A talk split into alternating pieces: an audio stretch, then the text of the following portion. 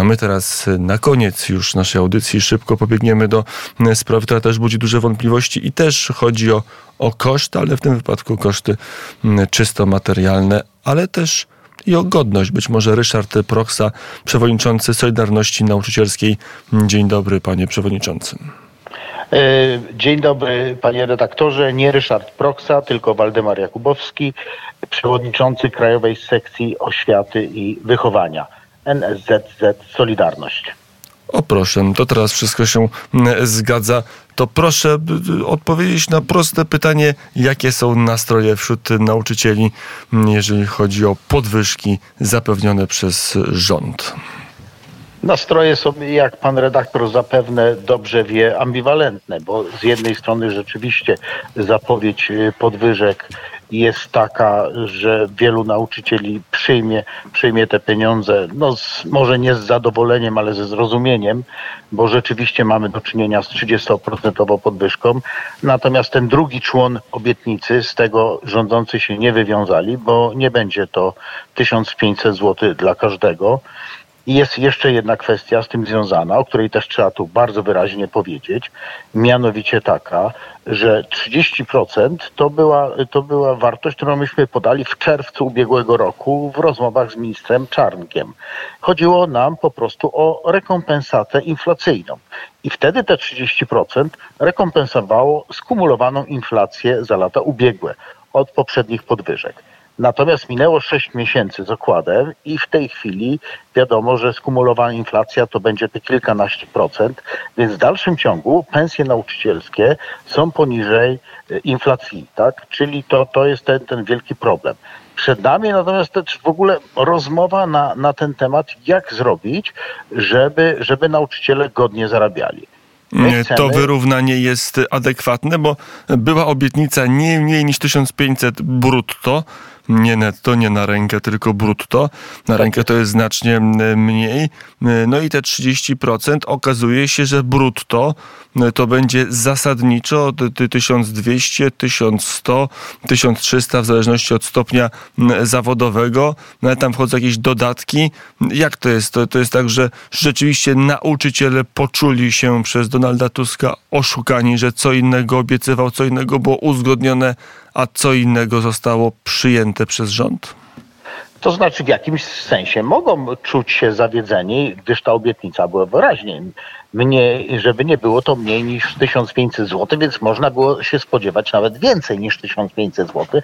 Natomiast rzeczywiście jest to poniżej tej kwoty. Natomiast rzeczywiście nauczyciele czekali na jakiekolwiek podwyżki i tak, i ta podwyżka na pewno, na pewno spotka się, spotka się, no, no nie wiem, ze zrozumieniem może częściowo, częściowo, no z zadowoleniem to byłoby za dużo powiedziane jednak.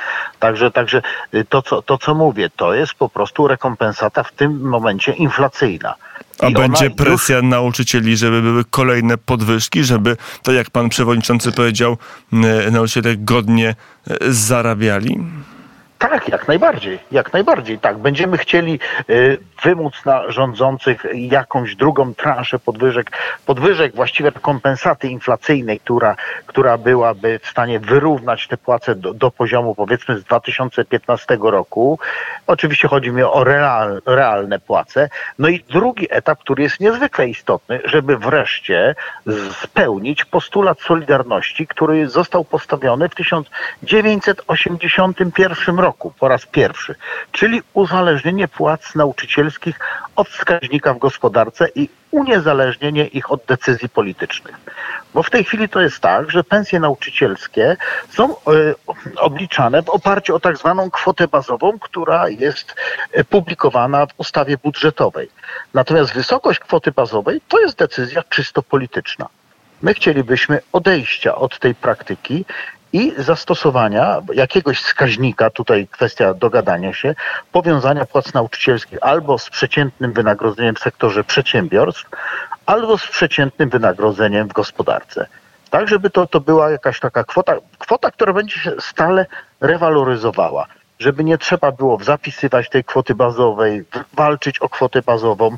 I prowadzić to... negocjacji e, przy okazji kampanii wyborczych, panie przewodniczący, a na ile to będzie wyglądać tak, że no, politycznie. Politycznie było tak, że duża część nauczycieli była politycznym zapleczem obecnej centralizowej koalicji, zwłaszcza polityków, czy zwłaszcza formacji Platformy Obywatelskiej. E, po tym pierwszym zgrzycie to się może zmienić. To jest tak, że czar nowej koalicji, koalicji prysł wśród części nauczy nauczycieli? E, to znaczy tak, ja nie wiem, nie, nie, znam żadnych obliczeń, które, które by wskazywały na to, jaka część nauczyli na kogo głosowała. Nie wiem, no, ale panie przewodniczący, no, wiemy jak jest, no nie, nie ukrywajmy. No że... właśnie, no właśnie nie wiemy. No, ja bym jednak chciał opierać się na twardych badaniach, a, a nie na wrażeniach. To po pierwsze. Po, po drugie jest też taka kwestia, że no, trzeba to powiedzieć szczerze, zostaliśmy zlekceważeni po przez poprzednią ekipę rządzącą.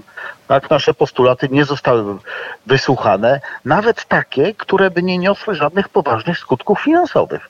Nie było woli, żeby załatwić, a tych spraw do załatwienia w świecie są setki. I uporządkowanie prawa, i zrównanie uprawnień z innymi grupami zawodowymi, na przykład taki drobny problem jak urlop na żądanie. Nauczyciele nie mają do niego prawa. Więc co ma zrobić nauczyciel, który, nie wiem, musi jechać na pogrzeb, wyjechać, opiekować się nagle kimś z dalszej rodziny, gdzie nie przysługuje mu do tak. No musi wziąć po prostu urlop bezpłatny. Natomiast inne grupy zawodowe mają tę możliwość. Więc to, to, to są takie, takie rzeczy, które trzeba tu załatwić. Bo bardzo się często mówi o tak zwanych przywilejach wynikających z karty nauczyciela, a nie zwraca się uwagi na to, ile jest przepisów w karcie nauczyciela, które w jakiś sposób dyskryminują nauczycieli. Więc to też o tym trzeba głośno mówić.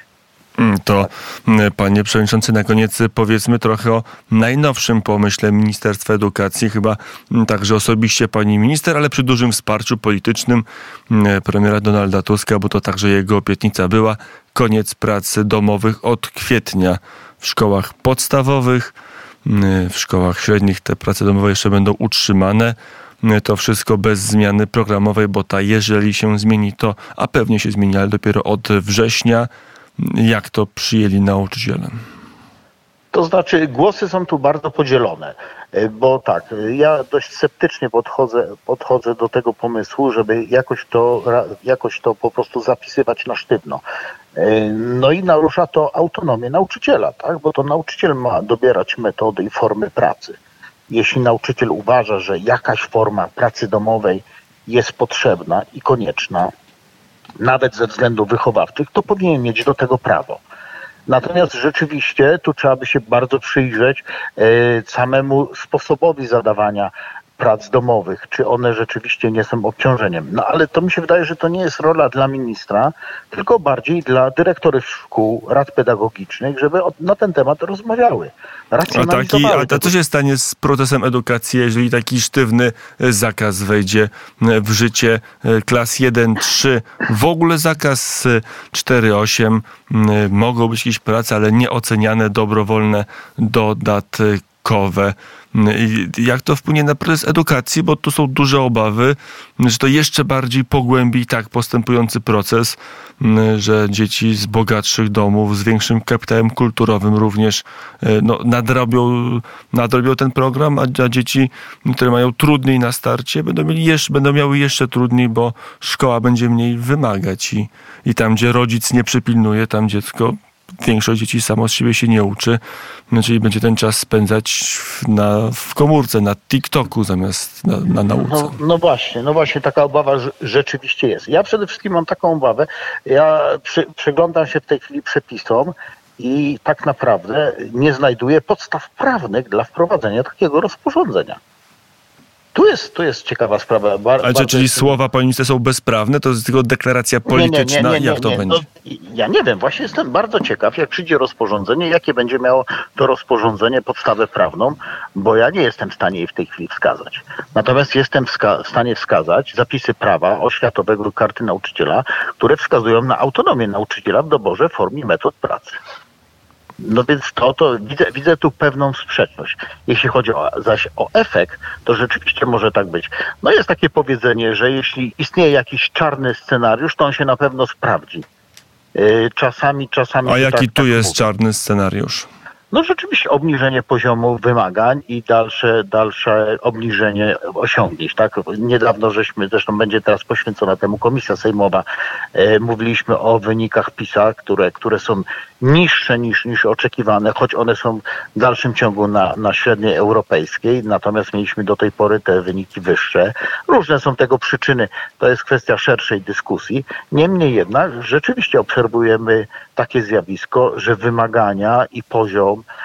kształcenia się obniża. Z wielu zresztą powodów. To też trzeba sobie powiedzieć, to, to, to są procesy bardzo skomplikowane, e, składa się bardzo wiele zmiennych na te procesy, trzeba im się dokładnie przyglądać i, i analizować i wtedy można coś powiedzieć konkretnego, tak? A co ważniejsze, wtedy A pani można... minister miała czas na takie analizy? Do, to już ostatnio powiedzmy mocno po czasie. e, W ogóle było. Czy, czy ktoś się do was zwrócił z takim pomysłem? Czy, czy to wygląda jakby pani minister po miesiącu sama na taki pomysł wpadła m, trochę z księżyca?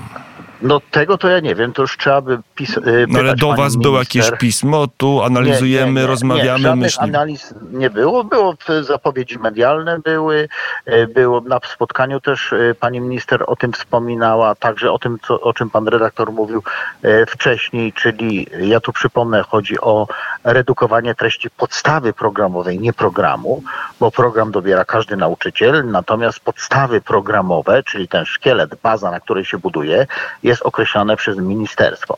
Więc tego była typu zapowiedź.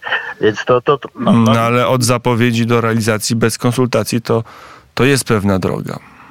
No nie wiem, nie wiem, dlatego mówię, my czekamy po prostu, co pani minister nam przekaże, jakie informacje na ten temat, jeśli oczywiście utrzyma pomysł wprowadzenia e, tego typu, tego typu zamierzeń, e, będziemy się wtedy przyglądać. Na razie, na razie mamy zapowiedzi medialne, mamy wypowiedzi ogólne, nie, ma, nie mamy przedłożonych żadnych dokumentów do konsultacji w tym zakresie, więc też trudno nam się wypowiadać. O tym Tak mówił przewodniczący mm, z sekcji mm, krajowej oświaty i wychowania NZZ Solidarność Waldemar Jakubowski. Dziękuję bardzo za rozmowę. Dziękuję bardzo, pozdrawiam.